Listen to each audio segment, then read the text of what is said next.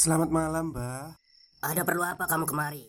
Eh, saya pengen punya podcast, Mbak. Biar pacar saya makin cinta sama saya. Loh, loh, loh. Mau bikin podcast kok tanya dukun? Sekarang kamu download aplikasi Anchor.fm. Di situ kamu bisa buat podcast gratis dan podcast kamu bisa didistribusikan ke platform mana pun. Dan di aplikasi atau website Anchor.fm juga terdapat fitur-fitur yang memudahkan kamu untuk membuat podcast. Oh, gitu ya, Mbak. Kalau gitu, saya boleh minta password wifi-nya, Mbak. Buat apa? Buat download Anchor.fm, Mbak.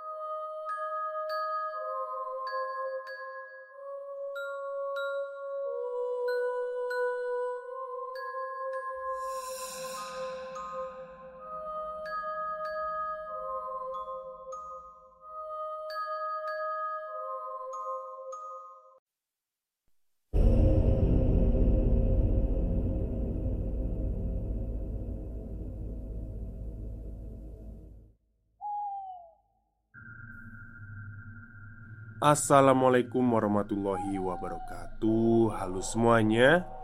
Jumpa lagi dengan saya Chow Sing Sing Kurator dari podcast Horror Night Story. Halo apa kabar semuanya? Semoga kalian semua sehat-sehat ya. Dan seperti biasanya pada malam hari ini saya kembali Dan akan membawakan sebuah kisah mistis untuk kalian semua Kisah mistis kali ini saya datangkan dari treat horornya Bahasa Arwah Yang menceritakan tentang burung. Oke, daripada kita berlama-lama Mari kita simak ceritanya. Cerita ini ku dengar dari ayahku sendiri. Ayahku memiliki burung perkutut yang usianya bahkan jauh lebih tua dariku. Jika kalian belum tahu, sebagian besar burung perkutut, apalagi yang tangkapan dari alam, dia biasanya memiliki penunggu, sehingga membuat burung yang berpenunggu itu terkadang bisa mempengaruhi kehidupan kita. Kuhargai bagi kalian yang tidak percaya akan hal ini. Tetapi karena aku sendiri yang mengalaminya dan aku hidup dikelilingi dengan banyak hal semacam itu, jadinya ya aku percaya. Aku tak meyakini bahwa seluruh perkutut memiliki penunggu, karena memang banyak sekali yang tidak. Tapi aku percaya kalau hal gaib itu selalu ada di sekitar kita. Jadi, bukan salah dari burungnya juga, tapi apa yang dia bawa dari alam yang kita tidak tahu. Burung yang memiliki penunggu dipercaya oleh beberapa orang bisa mempengaruhi kehidupan. Ada yang bisa membawa rezeki, ada pula yang merugikan bahkan bisa membuat sakit atau mencelakakan. Sebenarnya ada beberapa kisah yang kualami, tapi akan kuceritakan beberapa saja poinnya. Yang pertama, ada teman ayahku yang memberikan burung perkutut tangkapan alam. Berhari-hari ibuku sakit sampai kemudian ayahku menyadari karena burung atau penunggunya yang tidak cocok dengan keluargaku. Setelah burung itu dilepas liarkan, ibuku sembuh. Yang kedua, burung dari tangkapan alam juga diberikan kepada ayahku, dan terjadi beberapa kejadian yang merugikan. Motor rusak terus-menerus walaupun sudah dibawa ke bengkel, bahkan bergantian dengan motor yang lain, dan kemudian diberikan ke orang lain. Bukan maksudnya mau memberi kesialan ke orang lain, namun jika kita tidak cocok dengan burung itu, tentunya akan mencelakakan keluarga kita. Tapi kalau cocok, ya beda lagi. Yang ketiga, Aku sedang magang di kota lain. Aku sakit yang membuatku tak bisa pulang sendiri seperti biasanya. Jadi, aku harus dijemput oleh ayahku.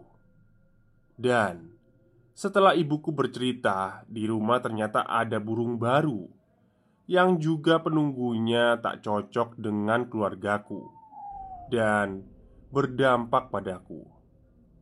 Dan adalah beberapa hal kecil lainnya. Kali ini akan kujabarkan satu cerita yang menurutku menakutkan karena mengancam nyawa seseorang, bahkan satu keluarga. Sekali lagi, ku sampaikan bahwa aku tak mengharuskan kalian untuk mempercayai hal ini juga, karena itu haknya kalian. Tapi kejadian ini sungguh terjadi, dan aku di sini hanya ingin berbagi cerita dan pengalaman yang aku alami pada kalian. Ayahku memiliki seekor burung perkutut yang sudah tua Bahkan saat aku masih bayi, burung itu sudah tua. Mungkin usianya sampai saat ini kurang lebih ya 45 tahunan lah. Dulunya burung ini dipelihara oleh kakekku yang sudah meninggal lima tahun yang lalu Dan burung ini memiliki kicauan yang bagus walaupun sudah tua ada salah seorang teman ayahku datang dan dia menyukai burung itu. Dia ingin membelinya karena kicauannya yang bagus. Dia sudah dilarang oleh ayahku. "Kamu yakin burung ini sudah tua? Kamu tidak akan kuat merawatnya." Ayahku tak mengatakan kalau burung ini memiliki penunggu yang sudah sepuh juga dan sangat sulit cocok dengan orang lain. Ayahku takut akan mencelakai temannya itu kalau dia nekat memelihara. Ya, namanya orang suka ya, ya tetap ngeyel untuk memeliharanya. Gak apa-apa, Mas. Saya kuat kok. Suaranya bagus untuk didengarkan. Saya bayar berapapun. Ya, karena dia sangat yakin. Kemudian ayahku dengan terpaksa mengiyakan. Ayahku juga diberikan sejumlah uang. Tapi beberapa hari setelah itu, teman ayahku menghubungi ayah. "Mas, ini burungnya mau saya kembalikan saja ya." Ya, ayahku langsung mengiyakan karena dia sudah tahu kalau dia tidak akan mampu meliharanya. Saat sampai di rumahku, dia membawa burung itu, tapi dia tidak ingin menerima uangnya kembali. "Sudah, Mas, bawa aja uangnya. Ini nggak kupakai sama sekali. Masih uangmu yang kemarin. Aku tahu burung itu akan kamu kembalikan," kata ayahku. Akhirnya dia mau menerima uangnya lagi Dan ayahku bertanya apa yang terjadi Dan apa yang datang padanya Walah mas Aku iku mas. Satu keluarga sakit semua. Tak bawa ke mana-mana nggak sembuh. Dokter aja nggak tahu penyakitnya apa. Lalu Dia bertanya kepada salah seorang kiai.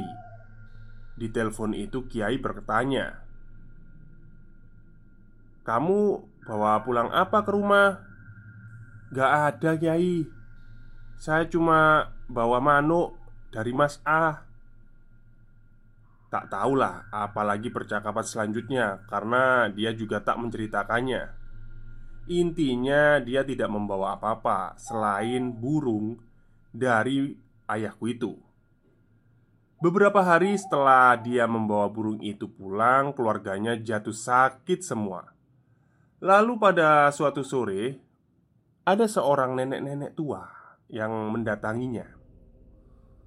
Nenek-nenek dengan badan bungkuk, memakai sanggul, membawa tongkat, dan memakai baju Jawa kuno. Dia mengenakan semacam kalung entah itu batu ake atau mustika. Nenek itu berkata Kembalikan aku. Kalau tidak Kamu dan keluargamu bisa celaka Kata nenek itu. Lalu nenek itu pergi Nah, dia ini nggak terlalu memikirkan Dia pikir itu hanya orang biasa Atau orang tua yang sudah linglung Itulah yang dia ceritakan kepada ayahku, dan ayahku hanya berkata, "Burung ini ada yang menunggu. Ini sudah ikut aku dan bapak puluhan tahun, makanya aku tahu ini akan pulang karena kamu pasti tidak kuat. Yang nunggu nggak mau jika kamu pelihara." Begitu cerita dari ayahku yang diceritakan kepadaku. Dan setelah burung itu dikembalikan, keluarga dari teman ayahku itu berangsur-angsur membaik. Burung itu pun masih ada di rumahku sampai saat ini, bersama dengan belasan burung perkutut lainnya. Dan aku tak tahu apa saja yang ada bersama mereka. Selesai. Stop, stop. Kita break sebentar Jadi gimana? Kalian pengen punya podcast seperti saya? Jangan pakai dukun Pakai Anchor Download sekarang juga Gratis Oke Itulah cerita singkat dari uh, Bahasa Arwah Twitternya Bahasa Arwah. Ini peringatan ya bagi kalian laki-laki Jangan suka dulinan manuk ya. Maksudnya itu mainan manuk Mainan burung ya. Maksudnya itu kalau nggak tahu gitu jangan asal. Soalnya ternyata burung perkutut Iya saya pernah dengar itu Burung perkutut itu punya nilai magic tersendiri Nggak semua burung loh ya. Burung perkutut doang. Jadi Ini ada satu di rumah itu dipelihara sama ayah saya. Tapi alhamdulillah ya nggak ngapa-ngapain sih. Sebenarnya ada dua, satunya diminta sama om Yang saya kasihkan. Nggak tahu kalau yang ini ada penunggunya atau enggak Tapi Tiap malam itu selalu berkicau sih Kalau saya mau ke kamar mandi itu Ya mungkin tikus ya atau apa itu kan nggak tahu. Oke, bagi kalian yang mau menekuni dunia perburungan atau dunia burung itu harus tahulah hal-hal seperti ini. Biar di kemudian hari tidak mencelakakan keluarga kalian. Ya percaya nggak percaya ya Tapi memang hal itu ada dan saya juga Apa ya Percaya gitu loh Oke mungkin itu saja cerita untuk malam hari ini Semoga kalian suka. Selamat malam dan selamat beristirahat. Jangan suka main burung.